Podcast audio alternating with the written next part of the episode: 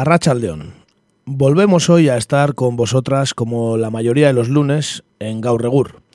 En un día tan señalado como es el del 20 de noviembre, no podíamos obviar los graves sucesos que un día como este ocurrieron en el pasado en nuestro país.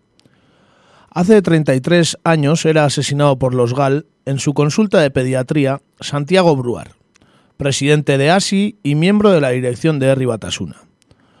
Hace 28 años, también un 20 de noviembre, era a su vez asesinado por los GAL en el Hotel Alcalá, en Madrid, Josu Muguruza, de 31 años y también miembro de la dirección de Herri Batasuna. Ambos fueron asesinados por un grupo paramilitar creado por el gobierno, entonces en manos del Partido Socialista Obrero Español, que nunca fue realmente perseguido ni por las autoridades ni por la justicia española. Las tímidas intervenciones judiciales y la lógica escasez, de la investigación policial hicieron que la historia de los GAL destacara por la impunidad de la cual gozaron sus dirigentes. También salieron bien parados muchos de los que apretaron el gatillo y organizaron estas acciones. Más si cabe en los casos de Muguruza y Bruard, en los cuales algunos autores materiales ni siquiera fueron juzgados, y los que sí lo fueron cumplieron penas reducidas. Políticos, policías, militares, ministros, narcotraficantes, gobernadores civiles, sicarios, si algo representaron los GAL y el Partido Socialista Obrero Español, es la impunidad de los estamentos del Estado para poder actuar de la manera más despiadada si lo estimaban necesario. Pero los GAL fueron mucho más que un grupo paramilitar creado y dirigido por el Estado. Muchos más, mucho más que los 60 asesinados, torturados y heridos que provocaron. Mucho más que una herramienta de guerra para acabar con la disidencia en Euskal Herria. Los GAL fueron la constatación de que, tras la muerte de, del caudillo, también un 20 de noviembre como hoy, nada había cambiado en las, entra en las entrañas de los poderes del Estado. Los GAL fueron la constatación de que aquellos que durante años hablaron en nombre del socialismo y los valores progresistas, como los que ahora lo hacen, no tenían ningún reparo en utilizar todas las herramientas a su alcance si se trataba de combatir a las ideas independentistas y socialistas. Desde la memoria, tomemos nota del pasado para tener claro quién es quién en el presente y no errar en la construcción del futuro. Hemen hasten da gaur egur. Guten Tag, meine Damen und Herren. Entering the United States. C'est la lutte contre le terrorisme. Katea ez da eten. Agirre, garaikoetxea, leizaola. Gaur egur. Gaur egur. Gaur egur. jolasten eta enredando.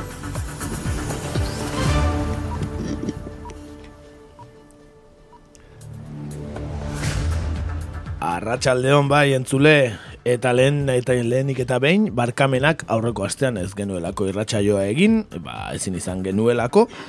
Eta ba aldez aurretik gure barkamenak horregatik gainera ez genuen abisatu egingo ez genuenik ere, baina gaur hemen gaude fin fin astelen askotan bezala, astelenero ezingo dugu esan gaur. Eta ba horixe zortzia puntuan eta hementxe Arratxaldon? Bai, kaixo, atxalde honden hoi esan bezala hoxe, eh, barkatu aurreko asteko gure ausentziaren gatik, baina prometitzen dizuegu gaurkoak pena merezi duela, eh, konpentsatu egingo dugu. Ara, Hori ara da. Arratsaldean guztioi, hori da, hotzaren kontra, egurra, ez, gaurkoan ere. Hori da, suba juan, goxo, goxo. Hori da.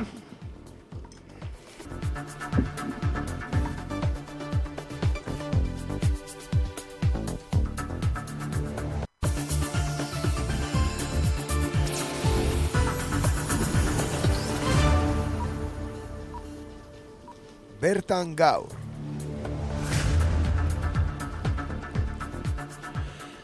Beno, bertan gaurren e, gaur e, feminismoaren gaia ekarri dugu edo baita indarkeria matxistarena, biak eh, askotan uztartutu agertzen bai zaizkigu.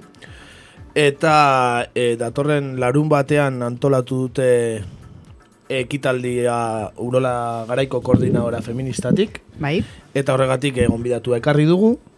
Bai. Kaixo, arratsaldean. Atxaldeon. Aldeon.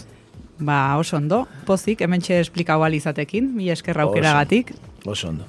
Esplikatuko dugu ez gera aurreratuko, gero egingo dugu horri buruzko elkarrizketa, baina nahi genion e, ahotsa ja eman, gonbidatuari, zeren nola ba, tratatuko ditugun gaiak ba, seguruenik koordinadora feministen tratatuko dituzten eta ideak nahiko garbi edukiko dituzten honi buruz, ba, nahi badu edozein momentutan, ba, hitz egin. Oso ondo. Duik ez izan. Kontua da, balenik eta behin, eh, joango garela iezko San Ferminetan gertatu ziren, ba, ekintza salagarri eta nazkagarri hoietara, eta jakingo duzuenez, ba, aste honetan, ba, ba, hori dena epaitzen ari dira iruñako auzitegian. Eta horretarako, ba, argi aldizkaritik miren osa galdonaren testu bat ekarri dugu, informazioa ematen duena, baina iritzia ere bai, eta horregatik diogu, ba, zeinena den, e, ba, testu hau. Izan ere, bai, iazko San Ferminetako bortxaketaren epaiketan izandako informazioa jakin batek, hau bete hortz utzi ditu edabide naiz herritarrak. Akusatuek, biktima ikertzeko detektibe bat kontratatu dute, bortxaketaren ostean traumarik ez duela frogatzeko. Lehen unean epailak ikerketa osoa onartu bazuen ere froga gisa azkenean baztertu egin du txostenaren zati bat. Hala ere, justiziaren eraikuntza patriarkala agerian geratu da, emakumeei nabaritu egin behar zaie gainean daramaten zama. Bos gizon defentsak aurkeztutako txostenak epailaren eskuetan dago, goz, bos gizonen defentsak e, aurkeztutako txostenak epailaren eskuetan jarraitzen du, ez ordea akusatuen portaera desegokiak erakusten dituen testu mezuak. Ustez, gizon taldeak beste sexu eraso bat egin izana antzeman daiteken elkarrizketa akasu. Emakumeari bideokonferentziaz deklaratzeko aukera ukatu zitzaion eta hiru orduz egon da egon zen e, aurreko astean 2016ko San Ferminetako gauaren xehetasunak azaltzen. Egoeraren aurrean, gizonei aurka zergaitik etzien egin ere galdegin dio epaiak, bortxaketa galaraztea bere eskuetan egon balitz bezala. Biktimak justiziaren aurrean duen babesa izotza baino hotzagoa den honetan, hainbat edabideek aukera aprobetsatu dute matxismoari beste behin askatasun osoz jardun uz, jarduten usteko. El espainolek, bortxaketa jasan zuen emakumeak bizitza normala egiten duela dioen artikulu bat argitaratu du. Madrilen bizi dela, lagunak dituela, bidaiatzea gustatzen zaiola, hori bai, normalean kalean ez dela bakarrik ibiltzen, beldurra baitu. Antena 3, telebista katea ere, ez da atzean geratu. Biktimaren inguruko datuak eman ez baditu ere, akusatuen errugabetasuna nabarmendu dute bertako kazetari naiz kolaboratzaiek. La manada deituriko gizon taldeko kideetako batek epailaren aurrean negarrari ezin eutxita deklaratu zuela argudio moduan erabili dute. Negar malkoek errugabetasuna erakutsiko balute bezala. Bide beretik, jodu enpresa lagun duen la sextak, bos gizonen egunerokoa azaltzen duen saio berezi bat egin dute. Hemezortzi urteko emakume bati eginiko bortxaketagatik akusatuak dauden gizonen aldeko adirazpenen, adirazpenez josita dago erreportaje hori. Ala nola, lagun talde berekoa den mutil batek erabateko injustizia baten aurrean gaudela dio. Oroar, deklarazio hauek akosatuen senideek eginak izan arren pixuzko argudio moduan hartu dituzte. Sentsazionalismoan oinarrituta eta sistema patriarkalak babestuta egiten den kazetaritzak bi aldiz egiten du emakumea biktima. Jasandako indarkeriagatik eta baita bortxatua izan dela justifikatu beharragatik ere. 2006ko San Fermietako bortxaketaren epaiketak genero indarkeriaren legeak dituen utxuneak azalean utzi ditu. Fokua biktimengan jartzen da, babesik gabe utziz, eta une oro jarriko da ezbaian bere hitza. Epaiketa honek zerbaiterako balio izan badu, emakumeak berriz ere alerta egoeran jartzeko izan da. Ba bai, egia esan bai. Ezta- gabe. Zeren e, benetan ematen nahi zaion tratua bai epaitegietatik eta baita komunikabidetatik ere, benetan harrigarria. Beintza komunikabide batzuetatik ezin dugu orokortu, guere komunikabidea gara. Badirudi baita erasoa jaso duen emakumea eterna biktima bat izan beharra daukala, ez? Ezin da, e, e, badirudi ezin dola bizitza normalain edo Ba, bueno, igual mm, bortxatu izan den emakume batek ez dauka zertan bere bizi guztin egundoko trauma euki behar eta egunero negarrezatea beharri kalea, bueno, ba. Buelta gabe. eman bali badio, bejonde jola. Eta seguru aski gabe. euki ditula, seguru aski euki ditula profesionalen aholkuak eta laguntza, eta seguruenik aholkatuko ziotela bizitza normala egiten saiatzeko. Bai, bai, ba, ez dakit oso ondo ze laguntza euki ditun, baina, bueno, ba, ikusten malin bazaio gutxi gora berako bizitza normal bat, ez dakit zerri deitzen dioten, no? Horri er, e, zerri deitze zaion bizitza normal bat ere oso ondo, baina bueno, ba, ikusten malin bazaio ez dago hor egun guztien etxen eta negarrez, ba, bejonde jola, ba, oso ondo. Ba, bai, ba, posten gara. Ez Baina- gea eterna biktimak ere mm, pertsonak eta gero baita hor ikusten da saiatzen diala biktimizatzen erasotzailea, ez? Hori askotan pasatzen da. Bai. Ez? Ba, gaixua, ez? Jo, eh, eske behitu zegoeratan jarri dezun. Ja. Ez da jarri dezun, da bea jarri da, ez? Baina bai dago joera hori baita erre, ez? Biktima papelen jartzeko erasotzailea. Duari gabe, ez? Bere famili, bueno, bik, eh, oza, esan dut, eh, epaitzen ari diren, ez, ba, bost, eh, muti hauen, bueno, bata guardia zibila eta besta militarra dela nabermandu nahiko nuke, eta, eh, bueno, azaltzen ziren bere senitartekoak, eta oso entrevista eh, eh, zentzugabeak ziren, ze juten ziren baten aitarena, galdetzea, eh, haber bere semea inozentea zan, edo, Claro, edo ze esango da baitak, eske... Eta gero hortaz aparte, eh, lehen komentatzen genuena, ez? Zein da argumentua, bidaiatzea gustatzen zaiola eta kalean ibiltzen dela. Eh, bueno, komentatzen zenuena, eh, zer nahi dugu, bere buruaz beste egitea? Claro. Hori da, Bai, biktimaren papera. Bai, ez? eta, eta, Bai, hombre, bai. eta oinarri oinarrian dagola, e, bortxaketa bat salatu du emakume batek, eta eta ematen du, ez bakarrikan ja e- epaileak edo erabaki beharko duela egi- egia dan edo ez. Ez ez, ja emakumeak erakutsi behar dauka egia dela. Bai, eta badirudi gaina e, gizarte guztik, demo, osea, gizarte guztik ulertu behar dola, ez? E, gizarte guztik erabaki behar dola hori egia dan edo ez edo zenbaterainoko dan, ez? Hor, badirudi pertsona orok kalibratu beharra daukala horren grabedadea. Ba, pentsa hori olako eraso brutal batekin, ez? Argi da, hola, ez dago asko diskutitzeko olako eraso baten aurren, eta hala ere zenbateko kaka da honatzetik, ba, pentsa hain larrik ez dian erasotan, ez? Ba, igual eh, agresio fisikok ez daudenetan, edo, ba, adibidez, akoso kasutan, edo, ba, ez daudenen eh, markak, zenbateainoko, Bai, bai, noski. Indefentzio egon daiteken, eh? bai, bai, hori da. Terribla da, Deno, terribla da. denok nahi ditugu jakin batzutan detaile jakiteko zenbaterainoko larria dan egoera bat edo ez. Ez? Denok nahi deulako kalibra hau igual, zenbateraino barkatzen dioun edo ez, ez? Zenbaterainoko da hainbesterako, ba, kasu honekin hain brutala dala hori gertatzen da, ba, pentsa gainontzeko erasokin.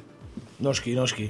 Duari gabe, hor, ez, egia da askotan ikusten dala hemen ere e, komunikabideak orokorrean, ez, e, epaiketa honekiko jarrera, ez, ze jarrera euki duten, eta beste epaiketa gehienetan ze jarrera eukitzen duten. Ze hemen orokorrean, e, berdin dite, bai, korrupzio kasuak direla, bai, beste epaiketa mota batzuk direla, beti eskatzen da justiziaren, e, ba, bueno, ez, independentzia horretan sinisteko, eta hori onartzeko. Eta kasu honetan, Ja. argi eta garbi ari dira inziditzen e, epaiketa hori kondizionatzeko iritzi publiko guztiari ja e, e, aurre iritzi bat sortuz, ez? Sententziaren aurrean, ez? Hori da azkenean helburua reporta joietan, ez? Bai, gaina hor markatzen du ere bai e, komunikabidea bere hildo editoriala, ez? Nola tratatzen dituen gauza batzuk, adibidez gauza hauek ez dituzte tratatzen e, terrorismoa balitz bezala edo segun zein e, delitu balitz bezala, ez? Gehiago hartzen dute alde sozialetik bezala, ez? Ba, Bai. bakizu, e, kronika sozial edo... Bai, be, garrantzi gutxigoko zerbait bezala. Bai, imagina hau adibidez Euskal Herrin zazpi erail balin badia aurten, ba, imagina hori etakin izan malu.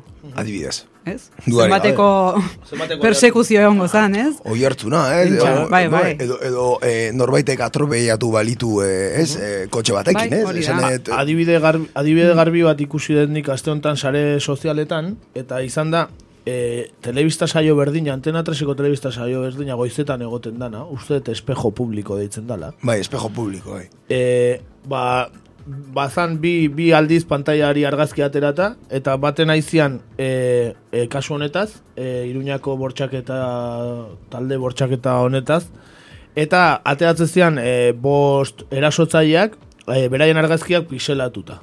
E, ez, ez emateko. Eta espejo publiko berdina, ez, e, e, telebista berdina, altxasuko, altxasuko afera zari zenean, altxasuko gaztearen argazkiak ateratzen ziren. Bai. Goiti bera. Batzutan asko preokupatzen dira pertsona batzu identitatea ba, Bai. bestez eta beste batzutan, ba, bueno. Bai. Eta, bueno, ba, hemen aipatu dugu altxasuko adibidez ez, eta nola ba, altxasukoak adibidez e, mediatikoki epaitu dituzten e, ba, errudun bezala, adibidez e, telebista saio horrek, eta hauekin kontrakoa egiten dute, ez da? Saiatzen dira errugabetzen. Dudare gabe, eta gero informazio pertsonalei dagokienez, eh, askoz babestuago egon dira eh, bost eh, inputatu horiek ez, bortxaketaren inputatu hauek, areta gehiago, eh, beraien espetxe kondizioen inguruan, eh, bi adibidez, beraien eh, etxe bizitzatik gertuen dagoen espetxean aurkitzen dira. Ja, Adibide bat kasualitatea, eske, zer geizki pentsatzen dezun. Oso geizki pentsatzen dut egia da, bai, bai. Ba, hori ekarri nahi genuen gogora, benetan e, mediatikoa izaten ari da, aste hauetan bastant hitz egiten ari da kasu Bai. bataz, eta adibidez hori ez, kasua ba, e, e, biktimak eskatu zuela bideokonferentziaz egitea, eta ukatu egin diote, ezakit nik ez dut ulertzen, nien ez, e, ez dut ikasi ez e, derecho, ez ezer, baina iruditze zait horrelako kasu batean eskatzen badu biktimak e, bideokonferentziaz egitea ez dut ulertzen zergatik esaten zaion ez ez. E, ez da kana ezanka ez buru, da, e, adibidez, gurtel kasuan inputatuta dauden pertsonak, espetxean aurkitzen dien pertsonak, bideokonferentziaz e, deklaratzeko eskubidea izatea, eta biktima den pertsona batek, kalean dagoen pertsona batek, eskubide hori ez izatea. Ez da Bai. ezanka ez buru. Nahiko zuten ikusi zenba, zenbateainoko ondo zeon. Bai, ez da. Ba. Aber negarrik egitezun, ez? Benetan lotxagarri. Lamentablea da, eh, benetan. Jo. Bueno, ba, guzti honekin, eh, hainbat iritan eh, ba, kaleak bete dira, eh, ba, sinesten zaitugu eh, lemarekin, ez da? Eta nazkatuta gaude, ikusteaz nola sexu indarkerian biktima den etengabe auzitan jartzen dena. E, horren arira, San Fermietako bortxaketaren epaiketa honen arira, ba, gehiagikeria judizelak salatzeko, milaka pertsona bildu dira azken egunotan Irunen, Madrilen, Bartzelonan, Sevillan edo Valladoliden bezalako hirietan. Ezin zaio indarkeria sexualaren biktimari eskatu bera izatea, bere errugabetasuna demostratu behar duena. Emakumearen hitza zalantzan jartzen den ja- jartzen da une oro eta nekatuta gaude. Bortxatuak eta eraiak izateaz gain, fokua gure gain izateaz eta ez erasotzaileen gain, adierazi zuten manifestariek. Iruñako epaiketan hartzen ari diren zenbait erabaki eta hainbat edabide kasua jorratzeko duten modua kriti- kritikatu dituzte manifestariek. Guk bai, sinisten dizugu. Epaiketa justua nahi dugu. Ez, ezetz da. Gainerakoa, bortxaketa da. Ez, ez da kasu isolatua. Patriarkatua du izena. Gixako leloak, oiukatuz, bereziki jendetsua izan da Madrilen, biktimaren irian egindako protesta. Elkarteratzea zegoen deituta, baina aurre ikusitako jendeko pura gainditu eta martxa bihurtu zen Gran Biako ba, manifestazio hau. Ba, bueno, bentsat, e, ba, justizian dauden pertsonak edo justizian elitean dauden pertsonak edo komunikabideetan agintzen dutenak, ba, ba, ikusi dugu ze jarrera duen, baina behintzat, ba, herritar askok, ba, ez dute, Bai. sinisten eta behintzat erantzun. Da bezala, ba, hori prentxaren egur hori, edo, bueno, bateatzen dian komentario e, bik, biktimaren pixka bat ziurgabetasuna ematen duen, eta eta erasotzaileek babesten ditun bertsi hori daun bezala, ba, egia da mugimendu feminista osasun da hola, eta egur asko ematen nahi da, babes asko ematen nahi da baita ere orokorren, Estatu Espainolen bai, eta Euskal Herrin ere bai, eta bueno, ba, hori ere behintzat ba, pozgarria da. Osea, ez dagola mugimendu feminista isilik edo ez dagola erantzunik, hor badago babes bat, eta, bueno. Duari gabe bere biziko garantzia dauka, ez? Honek eta areta gehiago kasu hau, eh, nola esan, mugarri bat bezala izan daikela, ez? Bai, motivazio gehiago haindikan, ez? Ba, Bai, ka, kasu hau benetan nahi, nahi genukeen bezala bukatuko baliz, ba, bentsa prezidente bat e, sortuko luke, ez, urrengo kasuetarako, baina ez bada nahi degun bezala amaitzen, prezidente bat izan daiteke ere bai, beste entzat. Bueno, osea, impunitatea gauza bat izan da beti egon dana, orduan, e, ba, kasu bat gehiago izango zan impune gehiago zana, ez? Edo, bueno, oso pena txikiakin, edo e, pena da, baino horretara erdi ohituta gaude. Noski, horregatik izango aliz kontrakoa, Bai, lehenengo bai, mugarria balitz, da, garantzitsua bai. litzateke. Bai, inshala, Hori da, ez da, hori da. Hori da, hori da. Eta, ba, gainera ez da kasu bakarra, e, ez iezkoa, ez, ez, ez, aurtengoa, aurten ba, kasu asko izan ditugu indarkeria matxistarenak, eta larrienak ba, zazpi emakumi, emakume hil dituztela ja da aurten indarkeria matxistagatik. Azkena emakume gazteiztar bat izan zen. Auto baten barruan agertu zen berrogeita lau urteko emakume gazteiztararen hilotza Miranda de Ebron Burgosen. Arma zuriz eginiko indarkeria zantzuak zituen. Ikertzaiek indarkeria matxistarekin lotu zuten hilketa, izan ere emakumea senarraren gandik banatzen ari zen. Urriaren iruko arratsaldan atxilotu zuten gizonak gazteizko Mercedesen lantegian. Emakumeak amabost eta emezortzi urteko bi seme araba zituen eta lantaronen bizi zen araban. Esan bezala, ez da bakarra zazpi dira urtengoak, indarkeria matxistagatik hildakoak, e, Euskal Herrian zazpi emakume eta aur bat hil dituzte urteari, urte hasiratik 2017an. Urriaren iruan jakintzen emeretzi urteko gizonezko bat atxilotu zutela errenterian, bikotekide hoiari eraso egitea leporatuta. Irailaren bukaeran, hainbat herritan elkarteratzeak izan zerean, sesta hon izandako Noemia Noemi Noeliaren hilketa salatzeko. Ilaren hogeta, irailaren hogeita bederatzean hil, zu, hil zuen bikotekideak. Eta ondoren berez, bere buruaz beste egin zuen. Bestalde, irailaren erdialdean, Melody Mase, hogeita hiru urteko emakumea hil zuten ustaritzen, bortizki eraso egin eta bortxatu ostean. Emakumea aurdun zegoen, zortzigarren hilabetean, eta umekiak ere bizia galdu zuen. Bueno, ba, urtero gaur egurren, gaur egur egiten dugunean uste urtero ematen ditugun datua dira lehenago edo beranduago, eta, Bai. bueno, honek ez du etenik, eh? Ez du etenik. Ez, ez ez pena da.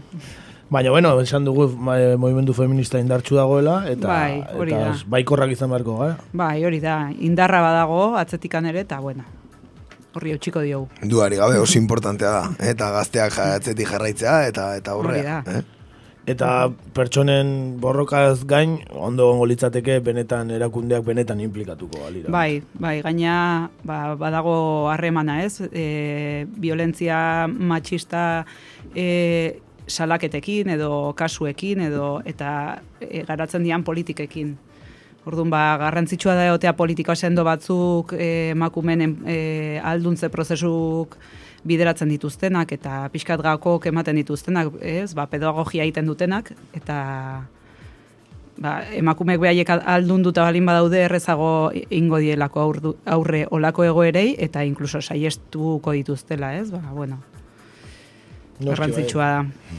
E, eta, bueno, ba, guzti honetaz ba, ausnartzeko edo, edo egun bat antolatu dezu ebintza eta ausnartu edo errebindikatu edo... Bai, e, azaroak hogeita bosta bertan ba, larun bat tokatzen da, eta antolatu dugu e, emakumen plazan, e, piruloko plazai jarri dio izen hori. Izen berria dauka. Bai, bai, izen igako plaza bada, beti konstantemente. Bai, dauka potros, pirulo... Ino, inoiz ez, ez zaio izeni jarri urretxuta zumarra dos jarri ez dielako nik uste. Hor dago plaza hori, eh, en plan. Bai, areizaga eta kalebarre. kalebarre, bueno. Ba, emakumearen Hori da, eh, plaza emakumeen plaza, jakean simbolo amarraztu gendun eta, ba, bueno.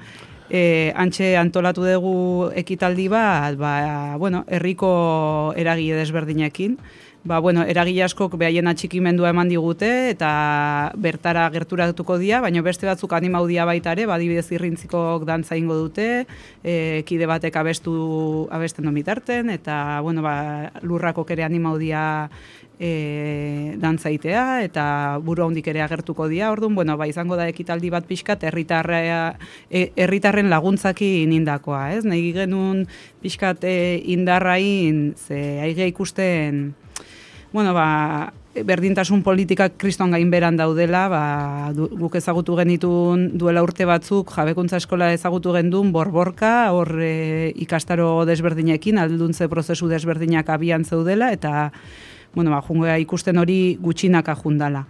E, aparte ikusten dugu, ba, teorian egon beharko liakela e, mankomunidade mailan lanen bi teknikari, bi teknikari, e, berdintasun teknikarik, eta, bueno, ba, oantxe bertan ez dago ez batez bi, dago enpresa pribatu bat hori kubritzen. Orduan, bueno, e, gure belarritara iritsi danez, hori da mm, gauz petatxo bat bezala, hola gero kubrituko da, baina ez dakigu oso ondo e, zeatik gertau da, nago, bueno, beste gabe kontua da baina enpresa pribatu da dagola, eta hori nahi gendun helarazi baita ere ez, ba, jendeai kontau hori gertatzen nahi dela eta gero emakumen etxean gaia da hoia urtek dara matzagu gai hori lantzen, ba, jabekuntza eskola bera oso txikia gelditzen delako. Eta, bueno, ba, proiektu hori abiarazi genuen emakume, emakume desberdin askok, eta, bueno, ba, instituziok darama gai hori, eta, bueno, uste dut gaina instituziok eraman behar dula, baino ez da kontutan hartzen emakumeen hitza gauza askotarako orduan, ba, e, konfiantza gutxi daukau, o bueno, kezka daukau, igual konfiantza kontua baino, kezka handia daukau, ze aige ikusten e, jabekuntza eskolan e, balioa galtzen nahi dala, ez, ba, kontenido ematen diona galtzen nahi dala, eta kezkatzen gaitu eukitzek emakume etxe oso polit bat erabat utxik. Orduan, ba, aber, emakume etxe bat e, aldarrikatzen deunen proiektu oso bat da. Ez da edifizio bat eta kitxo. Eta giltzakin itxi eta aurrea. Badaukazut eskau genizuena eta listo. Zen igutena eta listo ez. Aber, hori, hori dijo hildo batekin eta eta lanketa Eh, batekin. La, laburpen ederra indezu danana, baina guazen pixkanaka. Ze, ze eragile kartuko dute parte, larun batean? Ba, bueno, hartuko dute parte irrintzik, e, lurrak, e, txalapartarik igual egongo dira, hortxe gaude, ez dakigula azkenen alko duten edo ez, e, burua hundike bai, eta gero ba, behaien atxikimendua adierazi gute, bai gaztetxek, bai irratik, e, bai santakutzeko gaztek, eta oantxe, ber, bola buruz. Ba, oixek, oiek, oietxek, bai. Dago batera geizki. Bai, da azkenen kontaktun jarri gea jendea baita ere, eh? Osea, ez, ez degea jarri kontaktun kriston jendetzarekin, osea, herrindeongoa jendea ere igual, ba, aztu zaiguna, o, bueno. E, esan dezu, ikusi dezuela, ba, gainbera etorri dela pixkat e, movimendua edo, jabekuntza eskola Mhm. ingurukoa edo, ze, ze arrazoi edo, zergatik uste dezu gertatu dela? Ba, uste gertatu dela, ze, e, bueno, uste dute gure politikarik ez, ez dituztela asko baloratzen, e, bueno, e, azteko ez jakintasuna eta gero intereseza ere bai. E, zer dian e, empoderazio prozesuk edo alduntze prozesuk emakumenak eta nola eman behar dian. Eta uste e, interes asko ere ez, etik amestela igual galdetu ingo lukete, o dakit, jarraipena emango liokete, ba ez dakit, zeatik ez duten nahi, ez dakit, hoxe jakin nahi nukenik. Badaude igual hor beste interes mota batzuk izan daiteke. Izan daiteke, baino, ez ditugu ezagutzen. Gu e, logikoena ikusten deu, ba, emakumen al- alduntze prozesu horiek ja abian bazeudenak, ez, ba, sustatzea eta horrekin jarraitzea, eta, bueno, ba, e, gauza berri gehiago okurritzen mani mazaizkie, ongi etorriak baita ere, baino, ikusten deu, kontenidoa e, usten dijola, eta gelditzen diala, ba, festetako bideoakin edo festetako pegatinekin oso ondo daula baita, egin beharra dago. Baina iruditzen zaigu ezin gala hau posture hon. Osea, atzetik lan bate hon beharra daola. Aurretik, lehenago igual iten zan gehiago, ba, lan hori ez, e, kontenido asko zeukan lan hori, eta igual ez iten hainbeste ba, postureo lan hori edo. Bueno, ba, igual bietatik behar da pixkat ez, baino ezin da gelditu pegatinakin eta pankarta batekin kalen, eta atzetik inungo lanketari gabe. Bai, envoltorio ondo dago, baina barruan zerbait egon bardu, ez? Hori da, bai, bai. Uste duzu, uste duzu igual dala e, agintariek, e, uste duzu agintariek igual gauza guztien kontrola izatea, eta agian e, jende asko parte hartzen badu eta beraiek ez badukate bertan ahotsik, Bai. igual sentitzen dira kanpo eta nola ez duten kontrolatzen ez zaio gustatzen. Bai, dudari gabe, ez dute kontrolatzen, baina, bueno, behaien esku dago egoera hori kontrolatzea ere, natesan e, informauko balia, eta beraiek ere prozesu bat egingo balute, ba, seguro gai honetan, guri behintzat mila huelta emango lizkigukela, azken guretzat afizio bat bezala da, eta bakoitzak bere ez da daukau, ez, ba, gu hor, noski ez zaizkiela gustatzen figura oso empoderatuk, zatik gero problemak sortu besteik ez dizkieu egiten, egurra ematen gabiltzen guztin, ez, bueno, behintzat pixka sentsazio hori da, beti kejan gabiltzala. Pila bat guztoko litzaiguke, bateatzea politika gri guztikin argazki bat, pospozik, zatik kriston lan polita iten nahi da, eta Bai, eta teknikari badago hortara. eta teknikaria, dedikatuta. eta zakize, eta asko gustauko litzaiguke argazki hori, baino Baina ez da gertatzen. Ez da, Ez da gertatzen. Idoneo izango litzateke, baina oraingo ematen du ez dala izango, ez da? ez oaingo ez ematen. bueno, a ber, a ber iristen dan, ondo gongo zan. E, e, erakunde tazari garela, ze, ze eskakizun egiten diozu, aparte implikazioaz gain, emakumean etxea hor dago, nola dago emakumean etxea? Emakumean etxea ez, dak, ez dakigu nola dago. Badakigu egon diala ikusten eskuelitak, ikastolako eskuelitak, baino pff, eske gurekin adibidez hor- hori debatitzeko ez dia bildu ere egin, orduan. Badakigu e, musulmanekin bildu diala, o, no, baten batekin uste bildu diala, baino gurekin pertsonalki, keba. Ez. Bale. Orduan, e, uste baita ere, behaiek ja ideiak nahiko garbi dituztela, eta iritzian asuntoa izango zala gehiago, bueno, eman zazu iritzia isildu zaitezten edo lako zeo Bai, utzi Ez da- ezagu zuen ez, nahi duguna hor. egiten, ez? Jo, ba, ideia interesantea dirudi, ez? Emakumen etxea eraikitzeko orduan koordinabara feministarekin biltzarena. Ideia bezala, eh? Ideia, ideia Ja. nahiko logikoa ematen du, ez? Bai, bai, guk beti eskau izan dugu parte hartzea, modu oso publikoan, eta bueno, ba, ez zaigu iritsi. Egia esan, pff, panorama hau ikusitan nahi perezare emate egite, eh? Zer pentsatzen. Bai, zati, izango da prentxaurreko batea joatea argazki bat ateatzea, ezta? Ba, segura aski, azken nolako zeo zer bihurtuko uteta, kaka. Dudari gabe, dudari gabe. Beti, dago, badago beti benefizio bat, ez? ez? Bai, Benefizio bat. bai, bai. Ez dut esaten ekonomikoa, esaten dut horrelako benefizio bat, ez? hori da. Irudiarena balima da ere, benefizio hori Bai, bai. eramaten dute.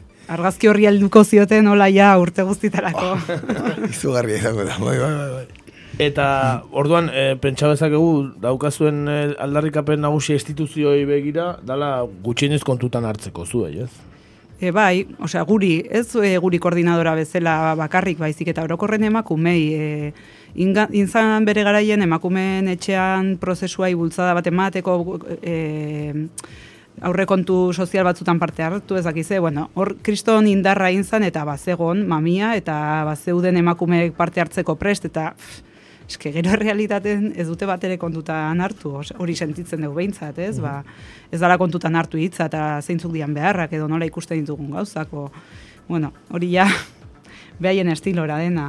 Gure, gure oantxe bertan gure aldarrikapena da itzultzea kontenidoa jabekuntza eskolara. Osea, berdin zaigu jabekuntza eskolara emakumentxera baino kontenidoa behar da. Mamia behar da horretzen, bestela ez dauka inungo zentzuik, iten dan ezerrek. Eta hortarako funtsezkoa da koordinatzaile bat egotea. E, berdintasun teknikariak Bai. esatezu bai, bai, bai. Bai. Bai, Beraiek bai. biltzen dira politikariekin eta hori, eta, bueno, pixkat politikariek baita bisto bueno ematen dute, o pixkat giratzen dute bi- baita bi ere. teknikari baina- zeuden lehen, Bat eta erdi. Bat eta erdi. Bai. Bai. Erditi banatzen zuten. ez? Berez, Jornada erdian. zen. hori da, jornada erdian. eta gero berez dago hor berdintasun plan bat, ba, esaten duna, ez dakit ban, 2000 eta bueno, hau pixkat iritzire hain naizola, konfunditzen nahiko naiz, baina bi egon beharko liakela, osea, e, igotzen jun behar dalako puru hori. Eta, bueno, teknikarik ere esan izan dute, badagola lana horretarako eta gehiagorako. Ze esango zeniek gizarteko zati horri pentsatzen duna, bueno, bai, garrantzia dauka, baino beste gauza batzuk dira prioridade. Bueno, ba, ustete gai hau lantzekin denok daukaula irabazteko. Osea, denok daukau irabazteko. Gero, norberak nun ikusten ditun bere prioritatek, ba, hor, ja, bakoitzak ikusiko do. Ez? Igual da baita ere gai hau ez zaiola gertutik tokatu, edo, edo tokatzen nahi zaiola baino ez dula nahi ikusi, edo, bueno, dana dalakoa, baino... Lehenengo eta ben gizonezko izango dala, seguru aski, ez? Bueno, eh, auskalo, ez? Auskalo. Edo Baliteke, emakumezko ez? bat, igual pixkat banagola negazio horretan, zatik batzutan gai hauek remobitzek zure bizitzako gauza asko moitzen dituzte, zure harremanak, zure... Duela, Eta bueno, bai. ba, batzutan negazion bizitzea errexago. La izaten da. komodidadea, ez? Bai, izan daike. E, on, e, egun hau antolatu dezue, seguro indarra jarri dituzuela egun hau antolatzen, hau eta honen ondoren ze, zein dira zuen proiektuak edo. Ba, e, gure ideia da, urrengo hilabetetan instituzioetatikan ezer sortzen ez balin bada, ba, pff, gure, gure aldetikan igual ba, formakuntzaren bat edo prestatzea modu xumean, zatikan gu ez gea hortan inungo espertak, osea, azkenen bakoitzak bere lanak eta gauza ditugu, eta eta ez daukau formakuntza bat e, tailerrak eta hola ematen dabiltzan jendeek bezala, ez? Baina bueno, asko jaso ditugu, orduan ba pixka bat e, utxune hori betetzeko asmoa badauka hau nolabait interesa agertzen duten gazteekin edola. Baina oso modu xumenz ez dugu gehiagorako ematen. Bueno, baina behintzat neurriak hartzen, ez? E, pixkat ez Bai, egoera bai. neurrean, ba, Gure bueno. burun hori dago, gero aber nola presentatzen dian urrengo hilabetek, baina bai. Ea, larun bat ontakoak balio duen e, ba, instituzioetatik, ba, instituzioetatik esaten dagunean, badirudi diala ez dakit nungo erakundea, baino, Ez, ea, urretxu eta zumarrako udaletxeak eta Bai. mankomunitatea edo, ezta? Bai, hori da, hori da. Ematen do kriston urrutiko gauza diala eta hortxe behaie dia. Ez da gehiago. Hori da.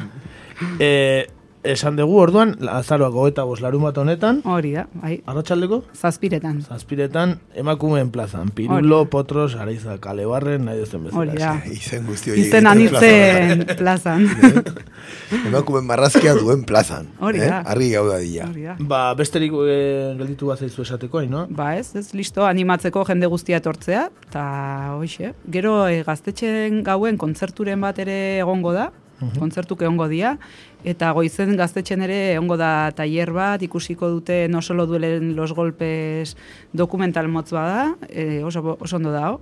Ba, gizu ordua? Eta, ba ez dakit, ez dakit, ze gaztetxeko kantolatu dute, eta... Bueno, informazioa egongo da, bai, pentsatzen kakaintzonaren webunean bertan, bloga daukala gaztetxeak orain, eta bestelare sare Bai, sozialetatik. karteleak eta kartelak ateako eta- dituzte, bai. Eta hoxe. Ba, mila esker, zoizu. egoteagatik, eta entzule guztiak onbidatzen ditugu, arratsaldeko zazpietan, datorren larun batean, eh, emakumeen plazara. Hori da, Hori da. badago zer egin, osake hori, Bai. zazpiretan, eh? eh, emakumen plazan. Hori da.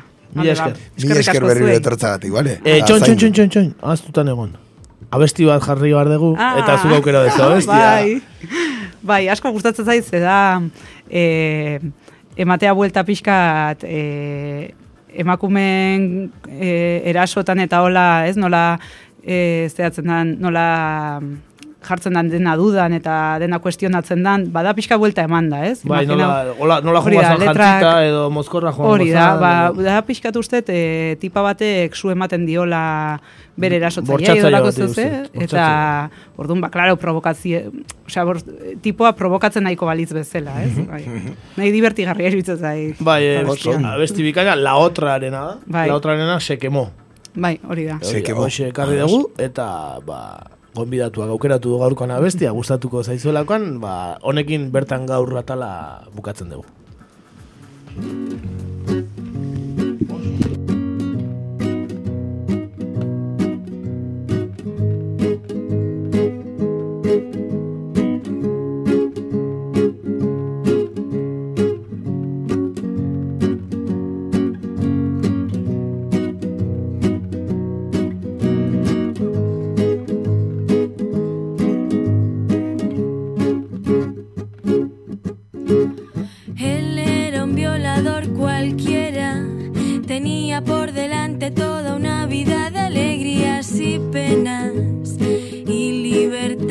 Sexual.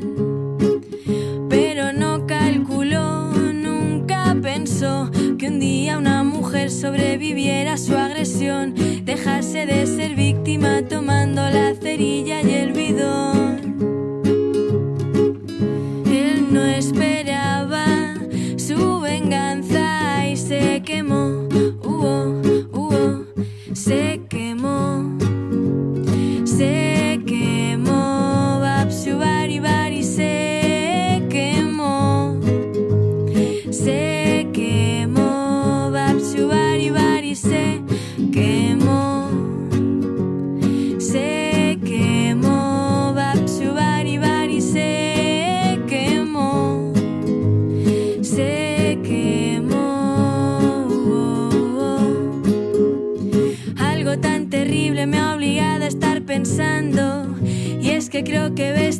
Con ropa tan inflamable, él se lo estaba buscando.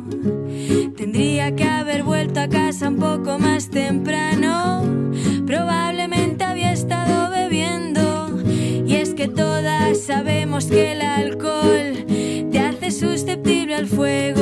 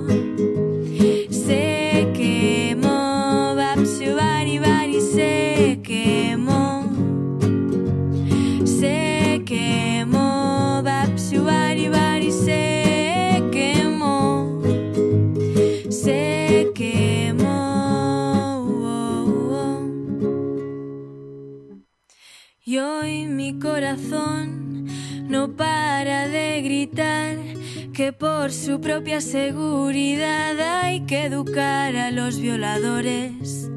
Lo mejor será que vistan ropa ignífuga y que siempre lleven varios extintores.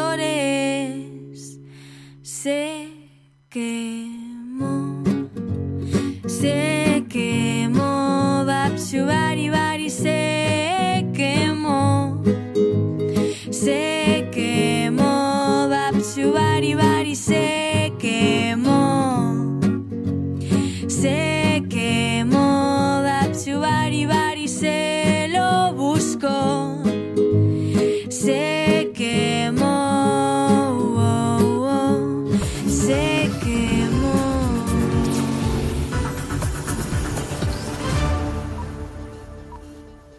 Nazio artean gaur.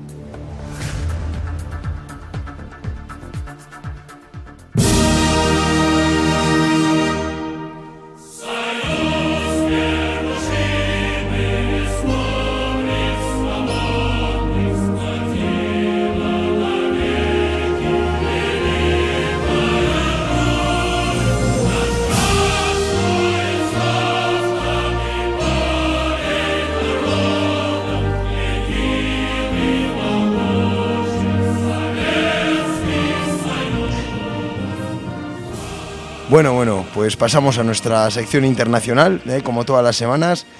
Y bueno, pues hoy en, en esta sección ¿eh? vamos a tratar eh, el centenario de, de una serie de sucesos que, que cambiaron la historia de la humanidad. No me puedo imaginar con esta música de dónde podemos estar hablando. Estamos dejando mucho lugar a la imaginación hoy. sí, habéis acertado. Eso es. Hace 15 días se cumplieron 100 años desde que los bolcheviques derrocaran a la Rusia zarista de Nicolás II e iniciaran una nueva etapa histórica para el mundo. Hoy vamos a analizar lo que ocurrió entonces y el estado actual de una Rusia que un siglo después nada tiene que ver con los valores revolucionarios.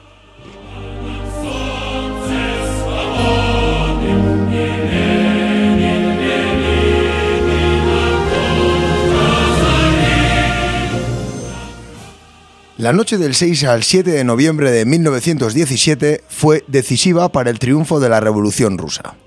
El crucero Aurora, atracado en Petrogrado, la actual San Petersburgo, lanzaba un cañonazo que constituía la señal para el inicio de la insurrección. Tras la señal, los bolcheviques tomaron edificios oficiales así como la sede oficial del gobierno, el conocido Palacio de Invierno, hoy en día Museo del Hermitage. Los bolcheviques lograron tomar el poder sin grandes enfrentamientos y los militares de la Guardia Roja, comandados por León Trotsky, no pasaron por grandes penurias. El gobierno es detenido y Lenin anuncia que la revolución de los obreros y los campesinos está en marcha. Los bolcheviques se hicieron con los ministerios más importantes y con el control de muchas zonas agrarias. A esta toma de poder le sucedería el 2 de diciembre la firma del tratado Brest-Litovsk entre Rusia, en plena Primera Guerra Mundial, y sus enemigos alemanes, austrohúngaros, otomanos y búlgaros.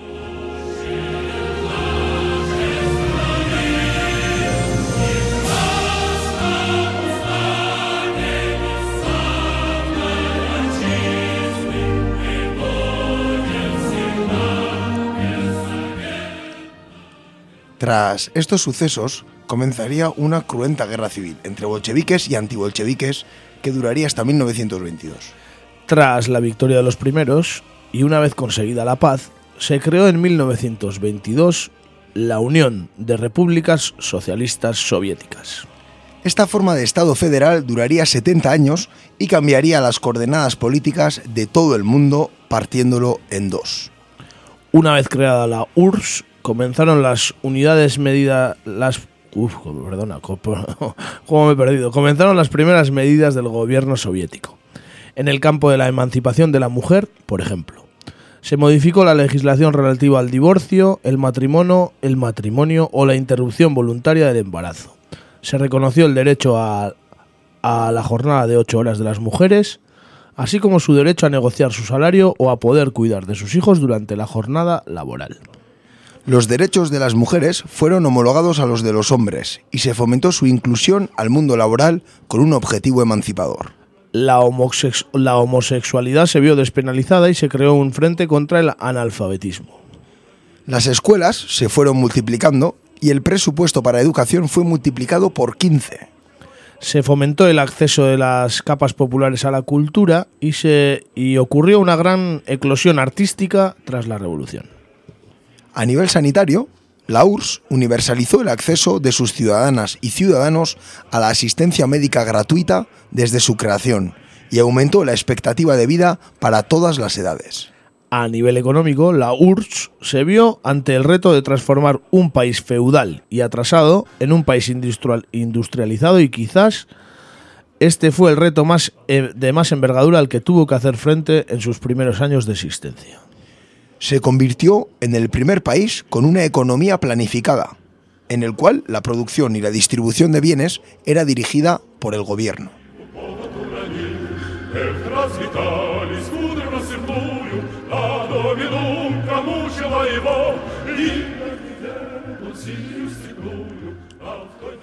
A partir de 1929, cuando Joseph Stalin accedió al poder, se inició la colectivización de las zonas agrícolas y una industrialización rápida que hizo de la URSS una potencia industrial en muy pocos años.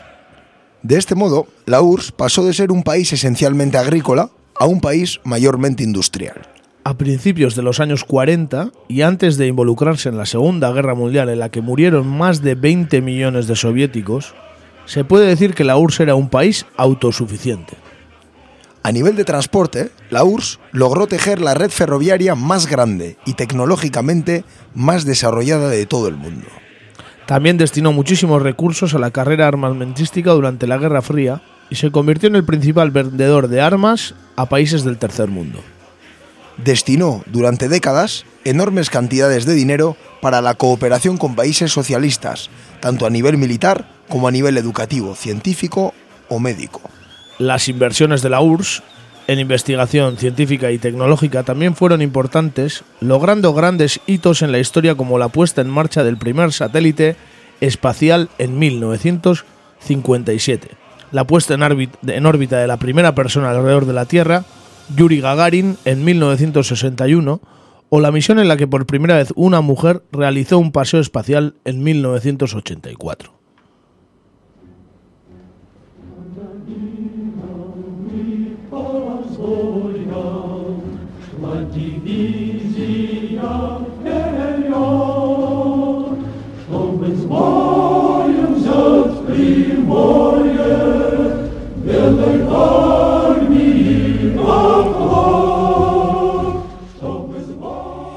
Ciertamente, eh, explicar todo lo que fue y dio de sí la Revolución Rusa y la posterior Unión Soviética es una tarea inmensa e imposible en un formato de programa como el nuestro. Por eso, tras estas principales estas pinceladas sobre lo acontecido, nos gustaría centrarnos en la Rusia actual. Efectivamente. ¿Cómo, cómo se concibe la Revolución Rusa? Eh, ¿Existe nostalgia o es todo lo contrario? Lo cierto es que desde su llegada al poder en Rusia en el año 2000, Vladimir Putin siempre ha tomado sus distancias con lo ocurrido hace un siglo. Sí, nunca ha participado en ningún acto de conmemoración de lo que, de lo que sucedió, quizás por representar un alzamiento contra muchos de los valores que la Rusia actual representa. Por ejemplo, según informes de, la de las Naciones Unidas, el paso de una economía planificada a una economía de mercado en los países de la ex Unión Soviética ha producido grandes cambios en la repartición de la riqueza nacional y en el bienestar social de las y los ciudadanos. Sí, el caso es que la propia ONU considera dramático lo ocurrido y admite que ha acarreado un coste humano bastante elevado. A modo de ejemplo, el Producto Interior Bruto, el PIB de los países que fueron miembros de la URSS, disminuyó en los años 90 una media de un 33%. En el caso de Rusia fue un 47%. Sí, para que los oyentes y las oyentes se hagan una idea, actualmente el PIB de Rusia, con 144 millones de habitantes, es similar al de Alemania, que tiene algo más de 80 millones de habitantes. Otro dato interesante es que cuando ocurrió la Revolución Rusa, el PIB por habitante de Rusia alcanzaba el 10% de los Estados Unidos, pero pasó a alcanzar el 43% en 1989 para ser actualmente el 7%, menos de cuando antes de la revolución. Efectivamente, 100 años después, el PIB de Rusia es menor que el que había cuando fue la revolución. Por habitante. Eso es, en comparación con el PIB de Estados Unidos. ¿Mm? Tras la desaparición de la URSS, ¿eh? el número de pobres que viven con menos de un dólar al día en los países que la conformaban se ha multiplicado por 20. Según un estudio de UNICEF, se calcula que uno de cada tres niños de los países de la ex Unión Soviética vive en la pobreza y que el número de abandonos se ha duplicado, a pesar de la gran bajada de natalidad de estos últimos años. Sí, se calcula que actualmente un niño de cada siete sufre desnutrición crónica en Rusia. En lo que refiere a las mujeres, se calcula que cada año medio millón de mujeres son trasladadas a Europa Occidental para ejercer la prostitución. Además, se calcula que por cada 100 embarazos se producen 60 abortos. Por primera vez en 50 años el analfabetismo está reapareciendo en Rusia y desde 1992 el número de alcohólicos se ha duplicado. Sí, a nivel sanitario eh, los ejemplos también son, son flagrantes. Por ejemplo, la tuberculosis eh, está tan expandida como en el tercer mundo y el número de contagios por sífilis, por ejemplo, ha aumentado exponencialmente. Pero, ¿qué piensa la gente sobre un cambio social tan drástico y que tantas consecuencias ha tenido sobre sus vidas? Pues sí, vamos a ver qué es lo que piensan, ¿no? Los que ahora viven en Rusia, ¿no? Y en los países que fueron antes la Unión Soviética. Los que vivieron también en aquella época. Efectivamente. Eh, bueno, según una encuesta realizada el año pasado por la agencia de noticias Sputnik, la mayoría de los habitantes de la ex Unión Soviética la añoran. El 64% de los rusos que vivieron en la URSS afirman que la vida en ella era mejor que la de ahora. Sí, el, así el 61% de los kazajos, el 60% de los ucranianos y el 53% de los bielorrusos son de la misma opinión. Sin embargo, la mayoría de las personas menores de 25 años están convencidas de que el nivel de vida en la URSS era más bajo que el de la Rusia actual. Efectivamente, son jóvenes que no conocieron la Unión Soviética. Han conocido la propaganda yankee y la de Vladimir Putin. Lo que ha venido después. sí. Por ejemplo, en este contexto, sí fue, fue muy sonado el resultado de una encuesta llevada a cabo por un medio no muy sospechoso, que es el New York Times, hace unos años, según la cual eh, el 74% de los rusos lamentaban la desintegración de la URSS. El principal motivo con el que argumentaban su respuesta era la incapacidad del Estado actual en garantizar a los habitantes trabajo y atención sanitaria y social. Que en realidad es el quid de la cuestión. Exactamente. ¿No? Trabajo y la atención sanitaria y social. ¿Mm? Eh, se podría meter la educación también de por medio, que me imagino habrá pegado eh, un bajón importante. Y bueno, pues este es el estado de las cosas actualmente, ¿no? En lo que antes fue la Unión Soviética, eh, bueno, ya han pasado, han pasado 25 años, ¿no? Desde que se desintegró la Unión Soviética y el estado de las cosas es bastante lamentable. Sí, claro. Eh, la primera conclusión que me ha venido a la cabeza es cuántas cosas pueden pasar en 100 años en un país. ¿eh? Que efectivamente. En otros tal vez no pase nada en 100 años o pocas cosas, pero en Rusia en estos últimos 100 años ha pasado de todo. Desde luego, ha pasado de todo. Ha pasado, han pasado dos guerras mundiales, la revolución rusa, ha pasado una transformación de un país total, inédita hasta el momento. Si luego no, se pudo ver también en China, por ejemplo, ¿no? Una guerra fría. Una guerra fría. Una, una guerra por, por conquistar el espacio. Sin duda, una guerra en Afganistán también. También. Una guerra en Afganistán. Más guerras internas que ha tenido luego. Más guerras internas, más la guerra contra Japón, que ocurría cuando, cuando, bueno, cuando la revolución empezó. Es decir, ha sido un país que ha tenido eh, a nivel histórico una, una, historia palpitante. O sea, Rusia, la Unión Soviética en este caso, es un país que tiene, que tiene bueno, mucha, mucha historia y por eso es muy difícil resumirlo todo en un formato como el nuestro. Y tiene mucha historia solo en estos 100 años. Nos vamos a los 100 años anteriores también. Efectivamente, efectivamente, ¿no? Y bueno, el caso es que, claro, hoy, eh, hoy es el día en que Vladimir Putin lleva pues, casi lleva 17 años en el poder, ¿no? Eh, muchos dirán que no ha sido el presidente durante los 17, bueno, ha sido el primer ministro, luego Sí, otra vez no presidente. podía ser presidente, pero bueno, tuvo a Medvedev, que era, bueno, su monigote, será mucho decir, pero casi. Sí, eso es, ¿no? Su compañero de fatigas o su alter ego, vamos a decirlo así, ¿no? Por dejarlo un poco simplificado. Eso es. Y bueno, pues hoy es el día en que, claro, en Rusia ocurre que, que la gente que vivió en la Unión Soviética eh, añora aquello y, y Putin lo sabe, Putin lo sabe. ¿Y qué hace? Pues actúa en consecuencia, es decir, es una persona que nunca, por ejemplo, eh, ha tomado parte en las conmemoraciones de la Revolución Rusa, porque existe el Partido Comunista todavía en Rusia, y, el Partido Comunista es el que monopoliza esas celebraciones, pero por ejemplo, eh, el Día de la Victoria, el Día de la Victoria eh, de la Guerra Mundial, el 9 de mayo, si no me equivoco, Putin es el primero que aparece en la Plaza Roja, va al desfile, que es un desfile totalmente nostálgico de la Unión Soviética, es decir, la, escenografía es la misma, ¿no? Que, que la que ocurría hace 30, 40, 50 años. Y él lo sabe, entonces tira de sentimiento, eh, como por ejemplo, no trasladando el mausoleo de Lenin que está en la Plaza Roja, ni se le ha ocurrido hacer eso, ha evitado el debate y, y bueno, pues juega a esa ambigüedad, vamos a decir, eh, de imagen, porque a nivel de valores está totalmente en el lado opuesto a lo que representaba la Unión Soviética, ¿no? Para, para bueno, para, para ganarse a la gente. Creo que también creo que lo que intenta es eh, tira por el nacionalismo, ¿no? De, de lo grandes que hemos sido, ¿no? Los rusos. Efectivamente. Porque claro, han sido cuando el mundo está dividido en dos partes, eran eran los que dominaban una parte o la referencia de una de las partes, ¿no? Si la parte capitalista era Estados Unidos, la parte comunista y socialista era, era la URSS, la que la referencia, ¿no? Sin duda. Entonces se queda con no su discurso sí va por el nacionalismo ruso, ¿no? Por eso conmemora también la guerra, ¿no? Ganamos la guerra los rusos, ¿no? Entre todos, ¿no? Entre Hicimos, todos. hicimos entre, entre, ¿no? entre todos hicimos una patria que ganó esa guerra, ¿no? Y ese Pero comunitarismo, no, ¿no? luego ya sacar a relucir lo que cómo funcionaba aquel sistema o qué valores tenía ya no le gusta tanto.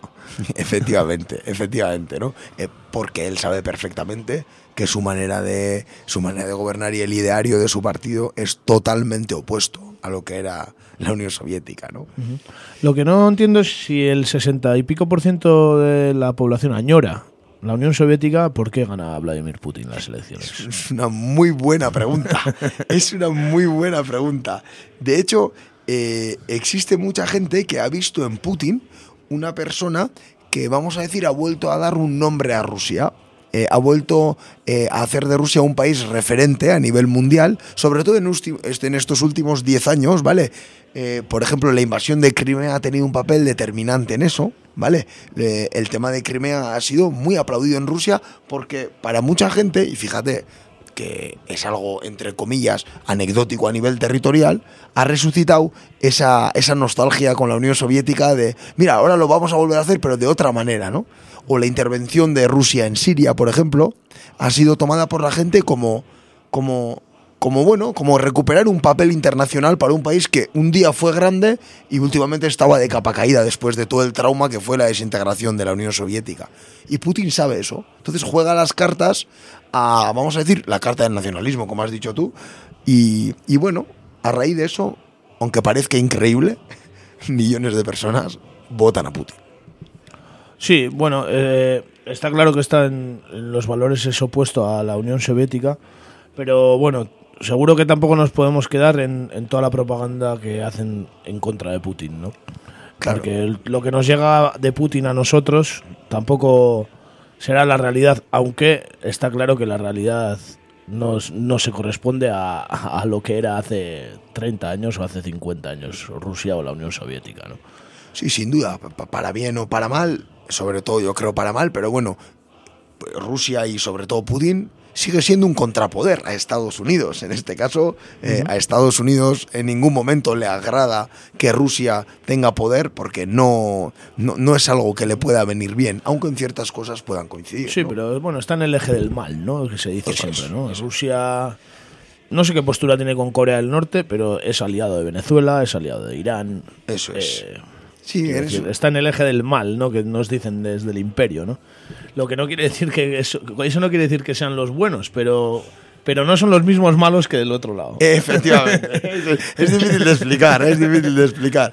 Y ahí ha tenido, Putin ha sido muy espabilado, ha tenido bastante, ha tenido bastante tacto en hacer las relaciones internacionales pues con países que en la época de la URSS, por ejemplo, eran países no alineados. Y ha sabido mantener una relación con esos países que en la época no se alinearon con la URSS y, tener con ellos unas relaciones muy buenas, como puede tener con India, con Pakistán o lo que decías tú, con Irán o con Egipto. Ahora ya no, pero en la época de Mubarak no les fue tan mal. Lo que está claro es que una revolución que fue una referencia para todo el mundo eh, se atisba bastante lejana en esta década, por lo menos, y en la siguiente o en todo este siglo, puede ser. Claro, al final la revolución rusa fue el embrión, fue el embrión, ¿no? El embrión de, esa manera de intentar expandir el socialismo a todo el planeta, ¿no? Y claro, estamos hablando de una revolución que tuvo unas consecuencias sin precedentes en decenas de países, en casi todos los continentes, si quitamos Oceanía, en todos los países ha habido, ha habido eh, revoluciones o movimientos que han tenido que ver con, ¿no? con, Con aquella primera revolución, ¿no? Efectivamente, efectivamente. Entonces es verdad que, que eso, pues bueno, eso ha pasado, eh, ha pasado el tiempo y es verdad que todos esos países, pues bueno, quedan excepciones, ¿no? Como puede ser Cuba, como puede ser Corea del Norte, como, como puede ser Venezuela o bueno, también incluso se puede considerar que Ecuador y Bolivia, ¿no? Eh, vamos a decir eh, ideológicamente, eh, pues bueno, maman de ese, ¿no? De ese germen, ¿no? Que fue la Revolución Rusa. China. Ahí, ahí queda China, ¿no? A ver qué decimos de China. A ver qué igual haremos un programa sobre China un día y lo comentamos, ¿no? Ideológicamente sigue funcionando, ¿eh? Quiero decir, ideológicamente las bases son son las bases de aquello, ¿no? Quiero decir que, bueno, bueno, es, es complicado, pero sí que es verdad que, que es algo que, que a día de hoy no, no, no, casi no existe en el mundo, ¿no? Sí, se puede decir que ideológicamente no, pero operativamente el capitalismo ha ganado de calle en este siglo. De calle. Sí, sí, sin duda, sin duda. Y no sabemos si volverá, se volverá a jugar la partida, por lo menos, ¿no? Eso es, eso es. Es verdad que se ve complicado, cada vez más complicado, pero, pero bueno, existir, existen, eh, existen tendencias. Tendencias, eh, bueno, que se pueden derivar de, de lo que pasó en Rusia hace 100 años y bueno, habrá que ver, habrá que ver qué nos deparan los próximos 20 o 30 años, ¿no? Visto la situación del capitalismo actual, pues bueno, A ver si Gaur está aquí para contarlo y damos buenas noticias. ¿no? eso esperamos, a ver. ¿eh? No sé si seremos ahí la, la radio de la revolución. Eso es, ¿eh? Si algún día nos escucháis hablar en ruso o en algún idioma, ¿eh? En chino. En chino igual también. ¿eh? Y bueno, pues eso, eso era un poco lo que, ¿no? lo que queríamos eh, comentar hoy, ¿eh? el centenario de la Revolución Rusa. No suele mostrar muchos centenarios o, o aniversarios incluso, pero bueno, esta vez tocaba, la verdad. Sí, sí, la verdad es que en fechas ha coincidido hace 15 días y bueno, pues era la ocasión para hacer un repasillo. Hay acontecimientos que cambian la historia, esta es una de las grandes, por lo menos de los últimos siglos. Sin duda. De las más grandes del último siglo, ¿no? Viendo por lo menos todo lo que abarcó a nivel mundial, es de las que más... Sí, de las que más cambió el modo de funcionar y, y- y, bueno, y la manera de ver el mundo también, ¿no? Sí. De, de millones de personas. ¿eh? Sí, otros dirán que era el crack del 29 de la bolsa de Estados Unidos, pero bueno, ese creo que no cambió tanto. Eso cambió el bolsillo de unos pocos. Efectivamente, sí, creo que fue más. ¿eh? Bastante más light. Ya lo creo. Bueno, pues muy bien, pues nos hemos acercado un poco más a, a lo que fue la Unión Soviética, a cómo empezó y a lo que es la actual Rusia, oyendo una gran banda sonora. Sí, sí, la banda sonora es del coro del Ejército Rojo, que por cierto se estrelló hace año y medio, dos años, en Sochi, un avión del coro del Ejército Rojo, y creo que fallecieron casi todos los miembros que cantaban en él. Eh, hoy hemos traído la música del coro del Ejército Rojo, y bueno, para terminar, pues vamos a oír una de las canciones más famosas ¿eh? del coro del Ejército Rojo. ¿Cómo se llama? Es la varsoviana, no sé cómo se dice en ruso, pero es la varsoviana. Muy bien.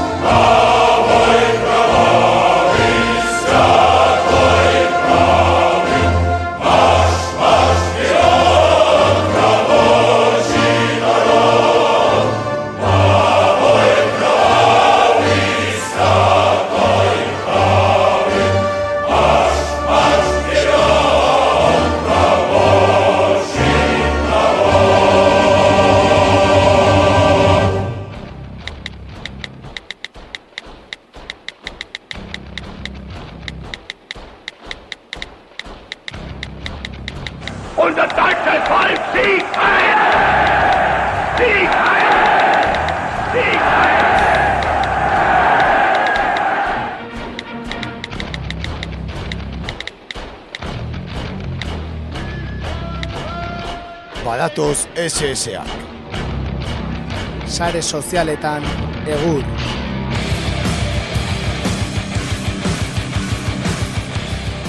Españoles. Fran, Fran, Fran, Fran, Franco.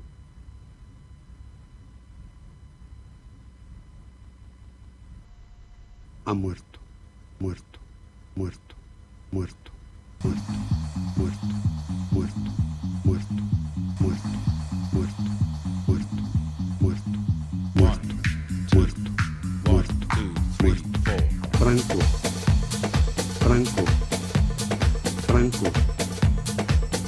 Franco. Franco. Franco. Fran, Fran, Fran, Fran, Fran, Fran, Fran, Fran. Franco ha muerto.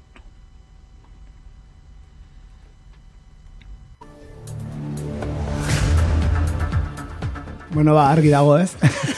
Franco ha muerto, bai, Franco ha muerto. Fran, Fran, Fran, Fran, Fran, Fran. Ba, bai, lehen editorialen esan dugun bezala, ba, hogei da, gaur, azaroaren hogeia, eta, ba, Santiago Bruar er- erailtzuten urte hurrena da, Josu Muguruza erailtzutena ere bai, eta diktadore zarra hoean hiltzela ere bai.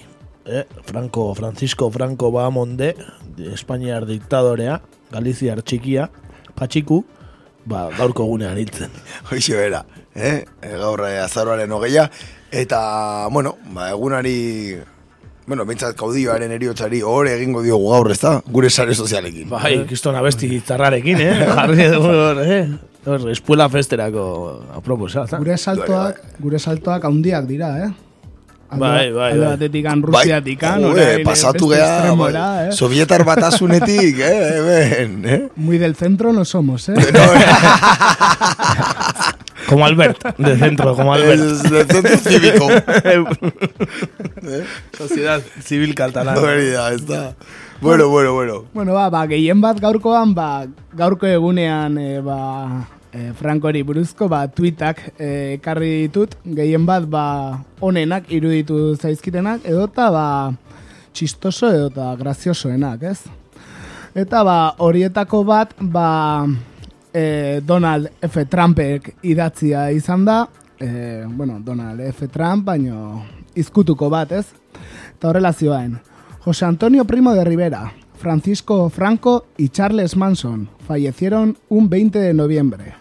Hoy no salgo de la cama.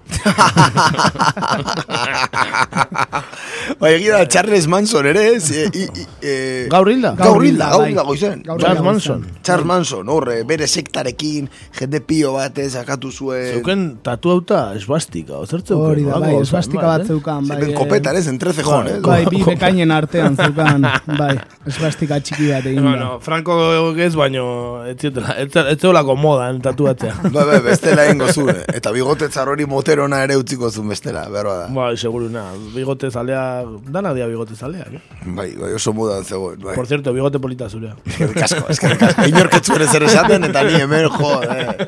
Retokatu, retokatu inorrek ez ezer esateko, eh. Gaur, gaurkoa pintza pasako ez du gaurko guna, eh? Ya está, Ilgabe, eh. Ilgabe. bai. Ondo, ondo, ondo. Eskertu dizuet, eh, benetan.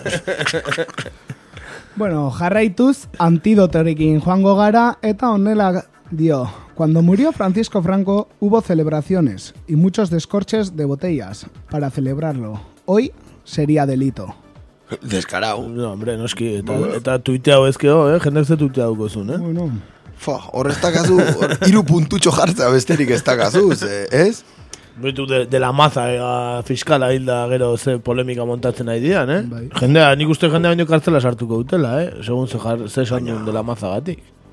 Bueno, nik atzu ikusi nuen, eh, hor, Kataluniako arran, el, eh, arran erakundeak, bai? Kupeko gaztedia edo dana, eh, publikatutako argazki bat, zala, de la mazaren argazki bat alderantziz, eta goian jartzen zuen, hasta nunca, horlako bat. Eta hori delito bezala ikertzen ari zian, baina, bueno, hau, nun dago delito hor. Bai, bai, eta gero jakinda behaiek zehaztakeria jartzen dituzten, eh, segun ze gertatzen da, ez?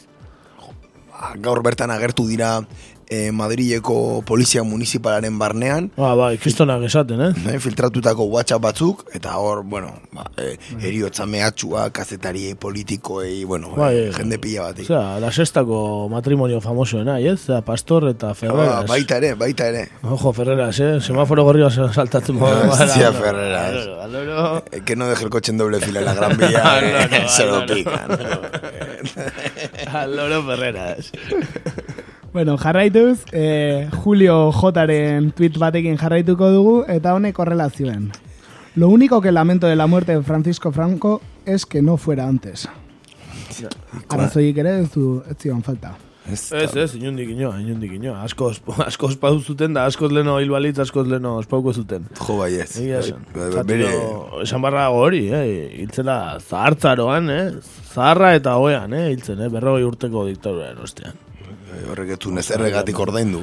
Zagitena da, urtero ateatzen du, Gipuzkoan eh, gehien saltzen duen eh, egunkariak, eh, bere eskela ateatzen du, ez dakik gaur atera duen, bakizue? Ez, ez, uste 2000 eta amaikatikan ja ez dutela Ah, bai, eh? atera, bai. Seguro? Bai, uste dut baietz. Bai, gainera bat, et, et, tuiten batean edo beste irakurri dut hori, ba, el diario Facho eta el chorreo espainol. Ah, ja ateatzen. Egin da, eta azkeneko eskela uste dut 2000 eta amaikan ateratakoa izan zela. Bueno, esan dezakegu el diario Vasco eta el correo ja egunkari demokratikoak direla orduan. Bai, bueno, hogeita amasei urte luzez bere eskela jarri ondoren, ja utzi egin diote, ja, eh? Han hecho exacto la democracia. Hori da, hori da. Eh, ba, bazan garaia, eh, ongi etorria demokrazia, orain erabakitze eskubidea onartzea gari falta zaiz. Hori da, eh? Eh?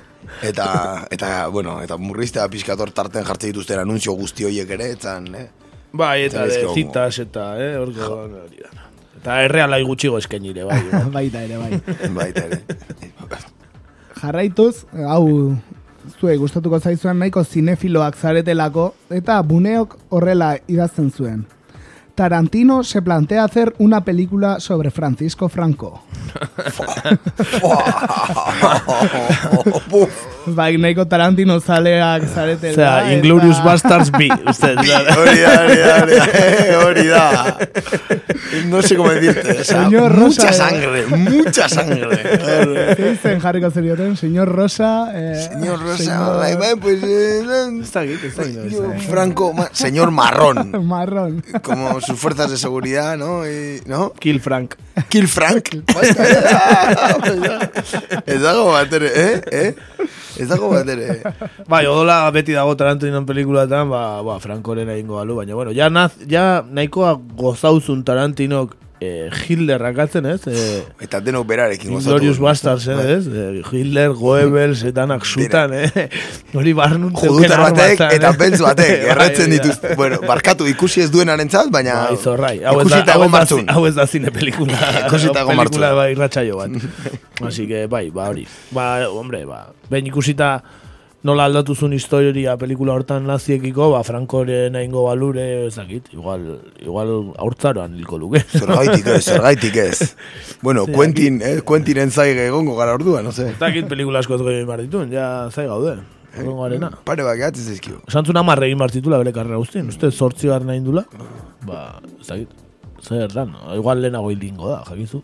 Tardatzen du, pelikula batetik bestea tardatzen du berea. Eh, pues, eh, Kill Franco oso ondo gabiltzen da, eh? Eh, Kill Frank. Kill Frank. Kill Frank. Ez da txarra. Bueno, eta ba, e, sekzio hau amaitzeko, ba, beste aurreko astean bezalaxe, ba, hontan ere albiste txiki bat ekarrigu, hau ere, ba, bereak eta bi dauzkan albiste bat delako, eta honela dio. El empresario de la restauración Chen Xinwei, residente en España desde hace 17 años, recibe el diploma que le acredita como Caballero de Honor, gracias a que glosó los logros de caudillo y narró cómo fue conociendo y admirando progresivamente su figura. Expresó su deseo de volver a lograr una España una grande y libre. Dice el chino, ¿eh? Una grande y libre. Iba a decir, iba a decir, marcado, eh, marcado. Iba a decir glande, pero no quería decir. A través de un comunicado, la Fundación Nacional Francisco Franco ha nombrado Caballero de Honor a Chen Xiangwei, más conocido en Internet como el chino facha. Xiangwei, quien regenta una taberna en Madrid, ha saltado a la fama por entrevistas en la que se considera como uno de los mayores fans del dictador. Ha llegado incluso a llamar Franco a su hijo. Muy bien, muy bien. De franquicia se entiende, eh. Una, una grande y libre, pero que llega hasta Pekín, ¿no? ¿O cómo, no? ¿Qué, qué es lo que quiere? Yo, por- yo, yo que él igual no volvería. Bueno, él tiene que ver, ¿eh? Pero no, no sé. No, no sé. No sé. Eta hau gutxi izango daliz, ba, bere, berarekin elkarrizketa txiki bat egitea lortu dugu, eta ba, audiotxo bat ekarri dugu, ba, nik uste, ba, pena merezi duela entzutea. Ea, zer, zer uleltzen zaion. A ver zer esaten dugun, a Ulertzen ver. duzuen, hori. Vamos a ver. Uleltuko dugu.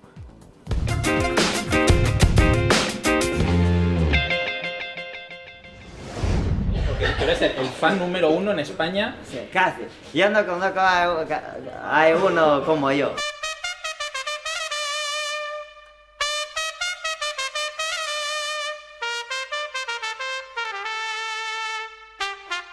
Hoy día ningún político tiene huevo para hacer una cosa, nada tiene huevo. Cuando habla cosa, nunca cumple. Hoy político, Franco Almeida quiere hacer y cumple y hace. Pero no como hoy día, todos los políticos piensan por ellos, para llenar su bolsillo. Cuando está ahí cuatro años o ocho años.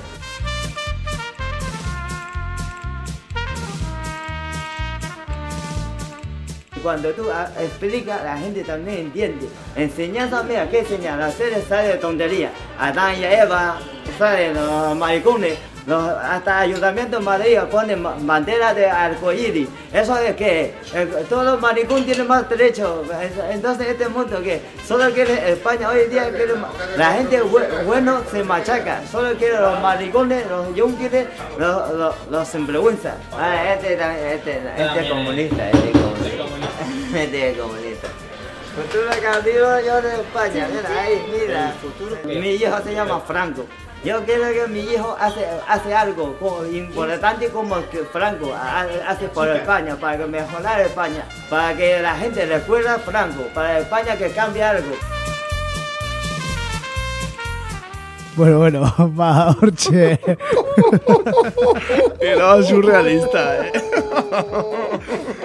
ba, nik ere hasiera pentsatzen duen gezurra zen albiste bat zela, baina, baina, youtubera joan da, el chino fatxa jarrita, bai, bai, osea, ba, eh, elkarrizketa asko dauzka gainera, ba, eh, beste rumano aktivista hau ere, ba, eh, ultraderetzen eh, pla- eh, kontzentrara azaltzen dena, Bai, bai, bai, Eh, bai, bai. ba, berarekin eta guzti dauka elkarrizketa eginda e, bere tabernan bai, eta bai, bai, eta Benetan, da, benetan osea. ikaragarria, eh? Benetan ikaragarria. urren- Bere semea Franco ditzen da. Bai, bai, gaina bukaeran e, a- ateratzen da bere e, umearen DNI-arekin eta Franco Shenwei jartzen du. Eh, osea. esan blogean jarriko degula bideoa. Hori da. Eh, du. duenarentzat, eh, Eta eh, txeunguei balima dago guri entzuten, ez jonki, no jonkide. Jonkide, los jonkides. los maricones, los jonkides. Hori da, eh, beste gabe, eh, urrengo. Bueno, benetan eh, ikusten da oinarri ideologiko sendoa daukala, eh? On, ondo argudiatzen ditu bere, bere iritziak, eh? Ba, irakurritakoa da. Ira, iritsi zitzaion, eh, osea, Frankoren biografia txinoz, iritsi zitzaion, ez? Ongo itzulita, seguro aski. Hori da, eta, bueno, ba, ikusten da, ez? Ba, bere, bere base ideologikoa da gangizoma dala, eta, bueno... Bai, bai, primero los españoles, esaten du. Argita garbi. No los españoles, no. los chinos vienen a quitarnos el trabajo, falta. Eh, Hori da, bai, bai, bai, gertu dago, eh? De, urrengo elkarrizketan ja botako du. Eta ondo esan bezala, urrengo hautezkundetan, Eh, ciudadanos en listan joateko, ba, kinela, kinelan kinelan dago. Seguro, vamos, bai, bai, bai. Kinelan dago. Bai, bai, bai, bai. Girautan ondoren, ba, fichaje estrella. Girauta badago, bai, bai. Badago, bai, badago. Albert, apunta, apunta, Albert. filoi handia, filoi handia. hori, fichaje handia, eh? Hor botoak irabazten dira, seguru. Ona, ona, ba, txeuei. osea, komunidade txino guztia, daukazu ja. Seguro, seguro, Seguro. Bai, bai, bai, benetan. Nuen egon da gaur arte, eh? Jo, eh, benetan, eh? taberna dauka Madriden, eh? Bai. Bakarri falta zaio fatxa batzu junda zu ematea inmigranta. Horrekin ja, kompleto, horrekin kompleto. Erakutsi dezaiela eh, bere semean deneia, a ber, a da. Taberna dotorea dauka gaina, bere be, be, Frankoren boteia askorekin, argazkiekin, eta eta kanpotik ere, e, roji igualdaz e, pintatua dagoen taberna bada. Ez da izango monedero Podemoseko naitan sozioa, hola, ez? Harreke taberna dauka, ez? Boxekoa, ez da boxekoa. Hoi boxekoa da, bai, Eh, bai, hostia, bai, bai. Santiago, Santiago, eh, tienes fichaje ahí, eh, Santiago. Santiago. A box, eh, al loro, Santiago. Es chino, pero no todos los chinos son como tú crees. Hombre, al loro, Santiago. A ver, Lo puedes fichar, lo puedes fichar. que este es falangista. Puedes fichar, Hay que hombre. hacer. A ver. Hay que hacer un partido multirracial. Si no, no, no vende. Mira a Marine Le Pen, que bien le va. Bai, bai, claro, claro, es que, es que, joder. Santi, hay que abrirse la mente un poco, ¿eh? Eso es, eso es. ¿Eh? No todo es andar en caballos. Eso, meta algún canario en la lista. Ai, bai, bueno. Bai, nahikoa, nahikoa, Bai, eh, esan... eh, Santiago ni mezu abia leita gero. Hori da, eh, Gurra. gurra. Baki entzuten gaituela eta horregatik. Eta egurra maite duela bakigu, eta bueno. Eta arabarron bezala gaina, baki euskera zultan ulertzen du. Du ere gabe. Baki oso ondo egiten du. Ez da beste izate, ez da besterik. Bai, Masterra Nafar Lapurteran uste dintzula. Bai, de- de- es un perro verde, no es un caballo verde. Bueno, ve- ve- Caballo era blanco, el de Santiago. Caballo blanco. Ah, caballo blanco. Ah, vale, vale. Bien, Bueno, bien. ba. Bueno, ba, Ba, amaitu aurretik ere esan, sare sozialetako zati hau amaitu aurretikan esan e, duela bi aste duela bi aste bota genuen hipopotamoaren puzkarraren Ah, inguruko bai, bai. albestia gezurra dela. Gezurra zan, bai, guri ere sartu Bai, digute. gu- sartu digutela, Guri ere iritsi zaigu puzkarra. Bai. hori da, ziria sartu Digutela. usaina, iritsi zaigu. Esan genuen ez genekiela gia zela, eh? bestela hor daude meroketekak. Hori Entzun da. bezala irratxa joan nahi duenak, eta esan genuen ez genekiela, momentuan esan genuen ez genekiela gia zen. Eta kondenatu genuen, eh, en- bazpare. Hori, entera, hori, kondenatu genuen. bai.